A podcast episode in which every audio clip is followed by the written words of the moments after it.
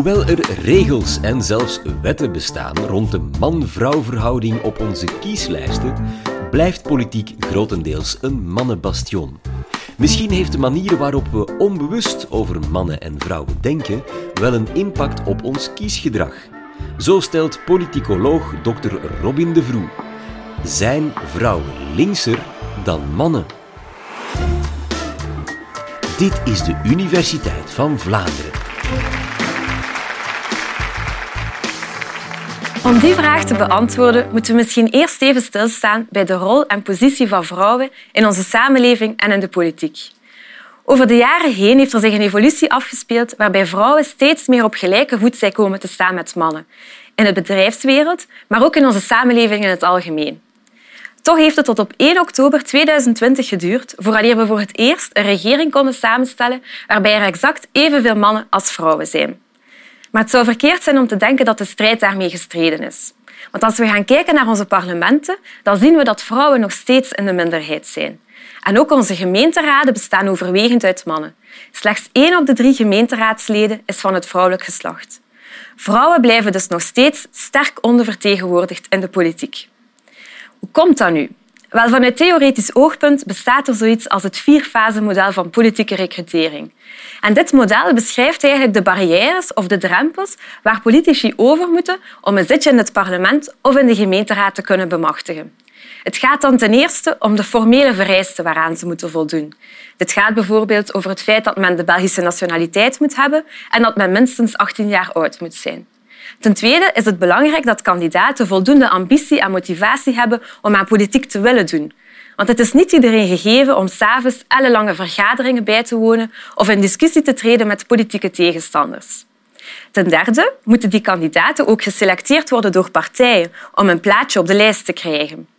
En in de vierde en laatste stap zijn het wij, de kiezer, die finaal beslissen aan wie we onze stem geven en wie in onze naam mag gaan zetelen in het parlement of in de gemeenteraad. En die laatste stap is de belangrijkste.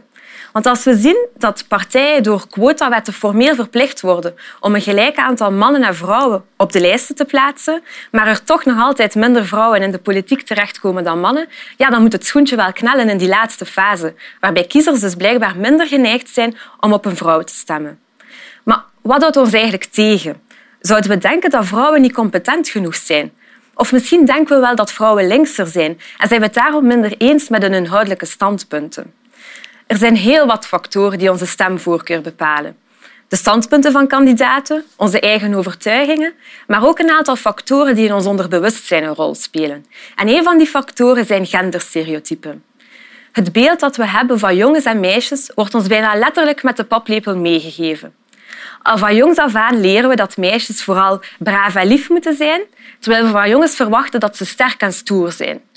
En ook al zien we dat vandaag de dag de categorieën man en vrouw dat die minder duidelijk van elkaar af te scheiden zijn en dat er steeds meer een soort van grijze zone tussen de twee categorieën terug te vinden is, toch beïnvloeden die stereotypen van het verleden ons denken van vandaag. We zouden het misschien op het eerste zicht niet denken, maar ook in de politiek. Als we bijvoorbeeld eens gaan terugdenken naar de periode waarbij Hillary Clinton het opnam als presidentskandidaat voor de Democratische Partij tegen Trump, dan was er in de media heel wat te doen over het feit dat Hillary niet vrouwelijk genoeg was.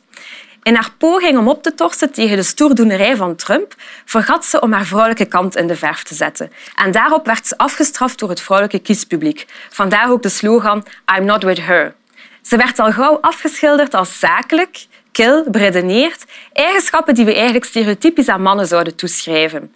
En daardoor kwam ze minder goed over bij het Amerikaanse kiespubliek. We zouden dus wel kunnen denken dat die genderstereotypen en het idee dat we hebben over mannen en vrouwen een rol speelt in de politiek. Maar is dat ook wel echt zo? Wel, in de Verenigde Staten bestaat er al lang een onderzoekstraditie die daarop focust. En de resultaten van het onderzoek naar die politieke genderstereotypen, zoals we dat gaan noemen, die tonen eigenlijk aan dat er twee bepaalde ideeën zich gaan manifesteren. Ten eerste, op basis van de karaktereigenschappen die we stereotypisch aan mannen en vrouwen gaan toeschrijven, worden verwachtingen gecreëerd dat mannelijke en vrouwelijke politici competent zijn in verschillende beleidsdomeinen. We denken bijvoorbeeld dat mannen eerder assertief, competitief en sterkere leiders zijn en dat ze daardoor ook meer geschikt zijn voor zogenaamd harde beleidsdomeinen, zoals bijvoorbeeld defensie, financiën of economie. En omgekeerd denken we dat vrouwen eerder geschikt zijn voor zachte beleidsdomeinen, omdat ze daar voordeel zouden halen uit hun zachtere en zorgende karaktertrekken. Anderzijds creëren die karaktereigenschappen die we aan mannen en vrouwen toeschrijven ook de verwachting dat vrouwen linkser zijn dan mannen. Nu, op zich is dat niet zo verbazend dat Amerikaanse kiezers dat idee hebben. Want in de Verenigde Staten is er een duidelijke tweedeling tussen de Republikeinse en de Democratische Partij. Waarbij we zien dat vrouwen veelal terug te vinden zijn bij de Democratische Partij, die wij als iets gematigder en minder uitgesproken recht zouden beschrijven. Nu, allemaal goed en wel. Vinden we diezelfde patronen ook terug in Vlaanderen? Wel, tot nu toe was dat nog nooit eerder onderzocht geweest. En ik aan dit onderzoek begon, had ik eigenlijk de verwachting dat die genderstereotypen hier minder uitgesproken zouden zijn. Want er zijn een aantal belangrijke culturele en sociale verschillen tussen ons en de Verenigde Staten. In de Verenigde Staten zien we dat de parlementen uit gemiddeld 20% vrouwen bestaan. Bij ons schommelt het rond het 40% Vrouwen zijn dus sterker aanwezig in de politiek. Bovendien is in de Verenigde Staten het kiessysteem en de maatschappij veel meer gericht op het individu, waardoor de kiezers zich ook veel meer gaan baseren op kenmerken van het individu om een stemvoorkeur te gaan bepalen. Bij ons zijn het eerder partijen die tegenover elkaar staan en gaat het dus om het collectief. Bovendien werken we ook met een ander kiessysteem. In de Verenigde Staten wordt gewerkt met een meerderheidssysteem, waarbij verschillende kandidaten het telkens tegen elkaar opnemen voor één zitje. Terwijl het bij ons gaat om een evenredigheidssysteem, waarbij partijen zitjes krijgen in functie van het aantal stemmen dat ze wisten te veroveren. En daarom hanteren partijen de strategie om in te zetten op verschillende soorten kandidaten en verschillende profielen, om een zo divers mogelijk kiespubliek aan te trekken. Wij zijn het dus veel meer gewoon dat ook vrouwen een prominente rol spelen in de politiek en daar ook belangrijke functies vervullen. Vandaar de verwachting dat die stereotypen hier minder tot uiting zouden komen. Nu, hoe ben ik dat allemaal gaan testen? Ik heb niet zomaar gevraagd aan Vlaamse kiezers of ze Magie de Blok minder competent zouden vinden dan Theo Franke. Of als ze denken dat Wouter Beke linkser of rechtser is dan Hilde Krevits. Nee, dat zou voor veel te veel vertekening zorgen. En om dat te vermijden heb ik een grootschalig online experiment uitgevoerd. Ik legde mijn respondenten profielen voor van fictieve kandidaten. En de kandidaten namen daarbij telkens een kort en neutraal standpunt in, zoals bijvoorbeeld het volgende. Om als klein land internationaal een rol van betekenis te kunnen spelen, is er nood aan een geloofwaardige diplomatie. Een klein maar efficiënt Belgisch leger moet in navolging van onze buurlanden zijn rol spelen als volwaardige partner binnen de NAVO, waarbinnen samengewerkt moet worden met andere landen, zoals bijvoorbeeld de Verenigde Staten. En het geslacht van de kandidaat maakte ik duidelijk aan de hand van een mannelijk of vrouwelijk silhouet. En om dan na te gaan hoe wij als Vlaamse kiezer kijken naar mannen en vrouwen in de politiek, ben ik gaan focussen op drie zaken. Ten eerste, hoe competent we denken dat ze zijn. Ten tweede, hoe links of hoe rechts we denken dat ze zijn. En ten derde, of deze patronen gelden voor alle soorten kiezers. De resultaten van dit onderzoek tonen aan dat Vlaamse kiezers globaal geen onderscheid maken tussen mannen en vrouwen als het gaat om algemene competentie om aan politiek te doen. Dus vrouwen zijn even geschikt om aan politiek te doen als mannen.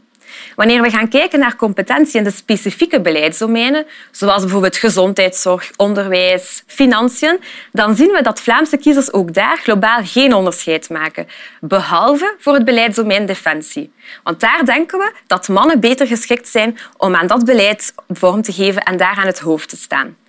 Ze zouden er voordeel halen uit hun eerder ja, competitieve en assertieve karaktereigenschappen. Opmerkelijk is ook dat vrouwen niet in het voordeel zijn in de zogenaamd zachte beleidsdomeinen. Maar defensie blijft dus nog steeds een mannenbastion.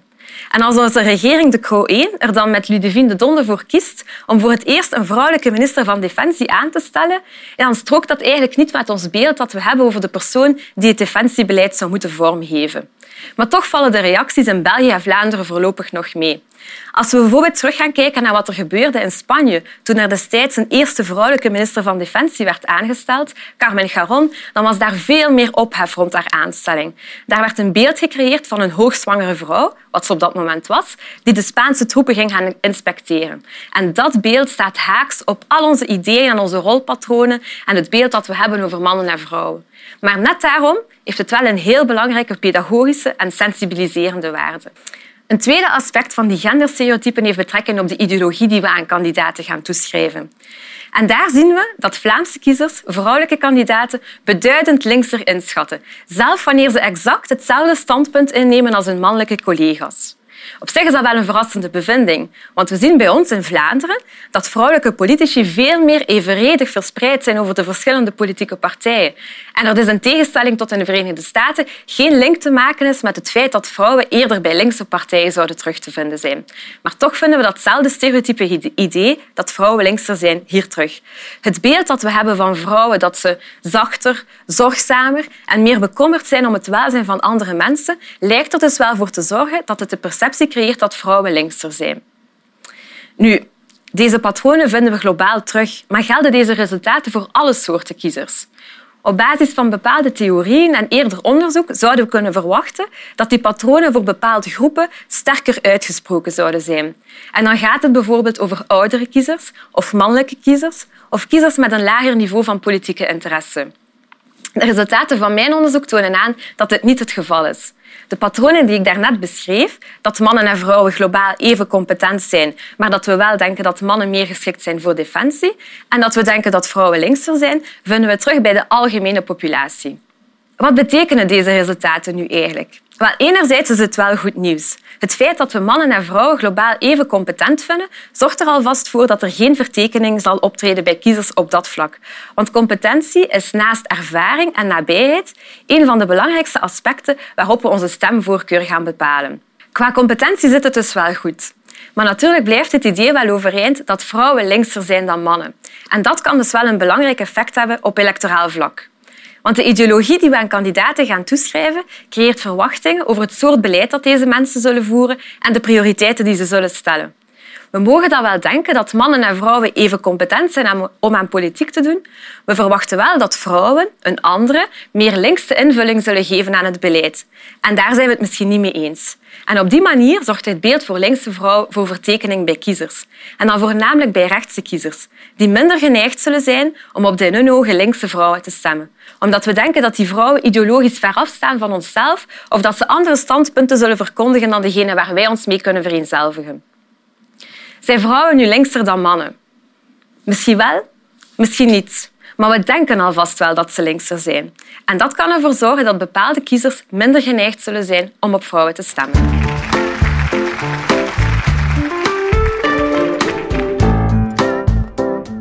Voilà, weer iets bijgeleerd. Spoken er ook vragen door jouw hoofd waarop je het echte wetenschappelijke antwoord wil weten? Stuur ze dan naar info@universiteitvanvlaanderen.be. En je weet het, geen vraag is te gek.